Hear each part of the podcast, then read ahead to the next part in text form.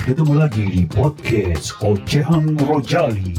Ada cerita keseharian, puisi, kejengkelan dan keamarahan, ada juga kerinduan dan cinta. Yuk kita ikuti episode kali ini.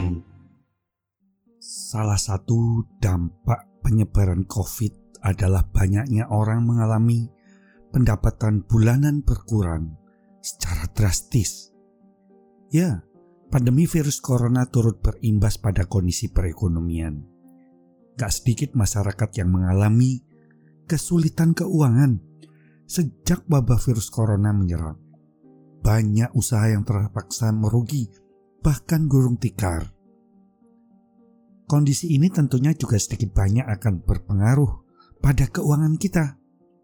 Sementara pengeluaran tetap harus dibayarkan, misalnya tagihan listrik bulanan, angsuran kredit, baik rumah maupun kendaraan. Lalu apa coba yang harus kita lakukan jika mengalami krisis keuangan? Apabila kita menghadapi krisis keuangan, lakukan perhitungan untuk mengetahui berapa kekurangan dana yang diperlukan. Gak usah khawatir, kita juga bisa mencoba lakukan beberapa tips yang akan Rojali sampaikan. Sebagaimana dikutip dari Fimnes. Satu, atur ulang keuangan. Krisis keuangan tidak dapat diselesaikan dalam waktu sekejap. Emangnya jin? Karena itu, jika kita merasa kondisi keuangan telah mengkhawatirkan, segera atur ulang biaya pengeluaran untuk kebutuhan sehari-hari dengan cermat. Pastikan biaya disesuaikan dengan uang yang masih kita miliki saat ini. Kita bisa mencoba dengan menghitung ulang total pendapatan kita di bulan ini. Buat pos-pos pengeluaran bulanan yang membengkak, contohnya tagihan listrik, biaya paket data internet, mungkin groceries dan makanan Oh ya, tandai juga pos pengeluaran yang berkurang, misalnya transportasi sehari-hari, biaya hangout, serta dana konsumtif lainnya. Yang kedua, ambil tindakan yang memadai. Terlepas dari situasi keuangan, yang penting untuk mengambil tindakan segera itu. Misalnya, kita bisa mencari pekerja sampingan.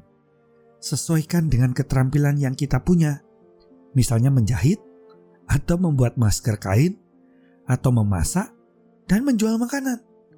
Atau misalnya kita bisa gunakan simpanan darurat yang kita miliki. Namun, pastikan dana tersebut tidak digunakan untuk kebutuhan konsumtif ya.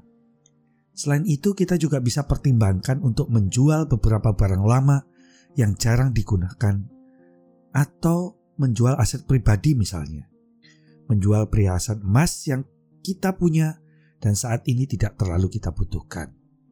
Yang ketiga, berhenti menggunakan kartu kredit. Segera kontrol pengeluaran kartu kredit yang memungkinkan, kalau memungkinkan ini ya, hentikan penggunaannya. Cara itu berguna agar nggak terjebak pada tagihan di kemudian hari.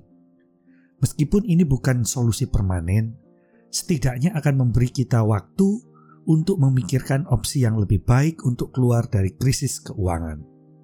Yang keempat, pinjaman cepat.